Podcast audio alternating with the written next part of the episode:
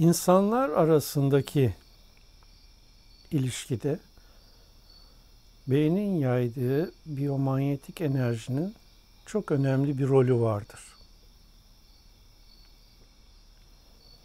İnsanlar arasındaki bağlantı çeşitli kademelerde incelenir.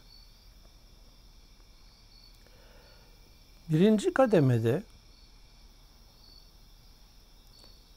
aradığın kişi vardır.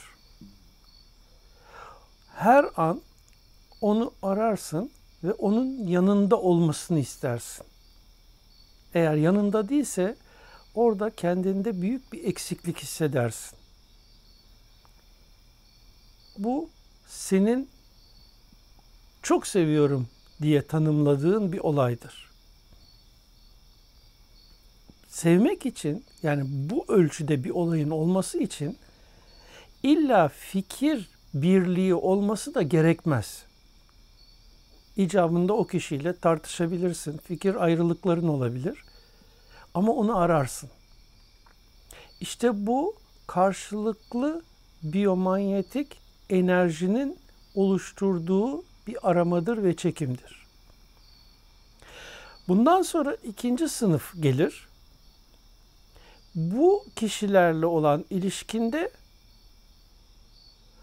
o kişileri ararsın, olmasını istersin. Ama olmadığı zaman da fazla bir rahatsızlık duymazsın. Olursa olur, olmazsa olmaz. İşine bakarsın. Üçüncü sınıf aramazsın veya o da seni aramaz. Ama bir araya geldiğiniz zaman hoşça vakit geçirirsiniz, eğlenirsiniz. Bu kısmen nötr bir biyomanyetik enerjidir. Dördüncü sınıf olanlar ise yanında olduğu zaman tedirginlik duyarsın. İstediğin gibi konuşamazsın veya hareket edemezsin. Olmamasını tercih edebilirsin.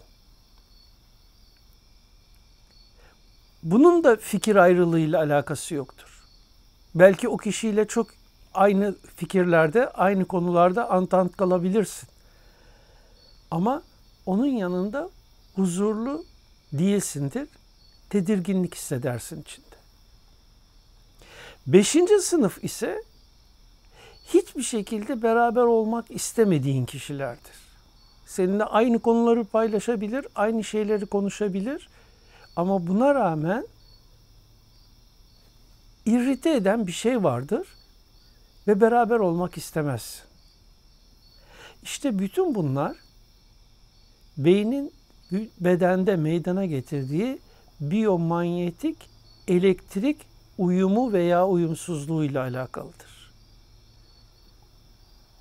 Dolayısıyla e, seviyorum veya sevmiyorum sözlerinin arkasında da muhtemelen bu bedenin biyomanyetiği yatar.